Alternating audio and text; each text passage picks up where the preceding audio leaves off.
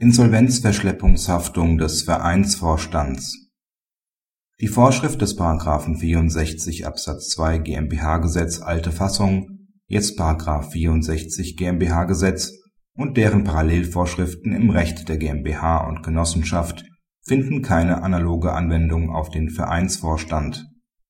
Ist ein Verein zahlungsunfähig oder überschuldet, hat der Vorstand die Eröffnung des Insolvenzverfahrens zu beantragen. Wird die Stellung des Antrags verzögert, so haften schuldhaft handelnde Vorstandsmitglieder den Gläubigern nach § 42 Absatz 2 Satz 2 BGB für den daraus entstehenden Schaden. Das OLG Karlsruhe hatte über die Frage zu entscheiden, ob ein Vereinsvorstand darüber hinaus auch dem Verein analog § 64 Absatz 2 GmbH-Gesetz alte Fassung zum Ersatz von Zahlungen verpflichtet ist die nach Eintritt der Insolvenzreife geleistet werden. Der Kläger ist Insolvenzverwalter in dem Insolvenzverfahren über das Vermögen eines als eingetragener Verein organisierten Tennisclubs. Der Verein war Inhaber eines Erbbaurechts. Dieses ist in den Jahresabschlüssen 2002 und 2003 mit einem Wert von jeweils rund 2,9 Millionen Euro angesetzt worden. Die Jahresabschlüsse wiesen deshalb ein positives Eigenkapital aus im Sommer 2004 stellten die beklagten Vorstandsmitglieder Antrag auf Eröffnung des Insolvenzverfahrens wegen Zahlungsunfähigkeit und Überschuldung. Der Insolvenzverwalter ist der Auffassung, dass das Erbbaurecht tatsächlich einen viel geringeren Wert gehabt habe.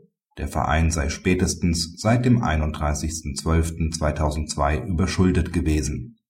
Dennoch hätten die Vorstandsmitglieder die Geschäfte fortgeführt und Forderungen in Höhe von rund 750.000 Euro auf jeweils debitorisch geführte Bankkonten des Vereins eingezogen. Das OLG Karlsruhe folgte der Ansicht, dass Zahlungen auf ein debitorisches Konto unter § 64 Absatz 2 GmbH-Gesetz alte Fassung fallen. Es kommt aber nach einer umfangreichen Erörterung zu dem Ergebnis, dass § 64 Absatz 2 GmbH-Gesetz alte Fassung § 93 Absatz 3 Nr. 6 Aktiengesetz und § 34 Absatz 3 Nr. 4 Genossenschaftsgesetz mangels einer planwidrigen Regelungslücke nicht analog auf den Verein anwendbar sind.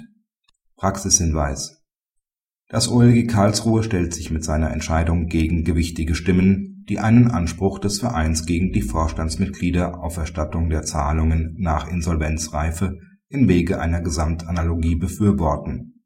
Das Gericht hat die Revision wegen der grundsätzlichen Bedeutung der Frage zugelassen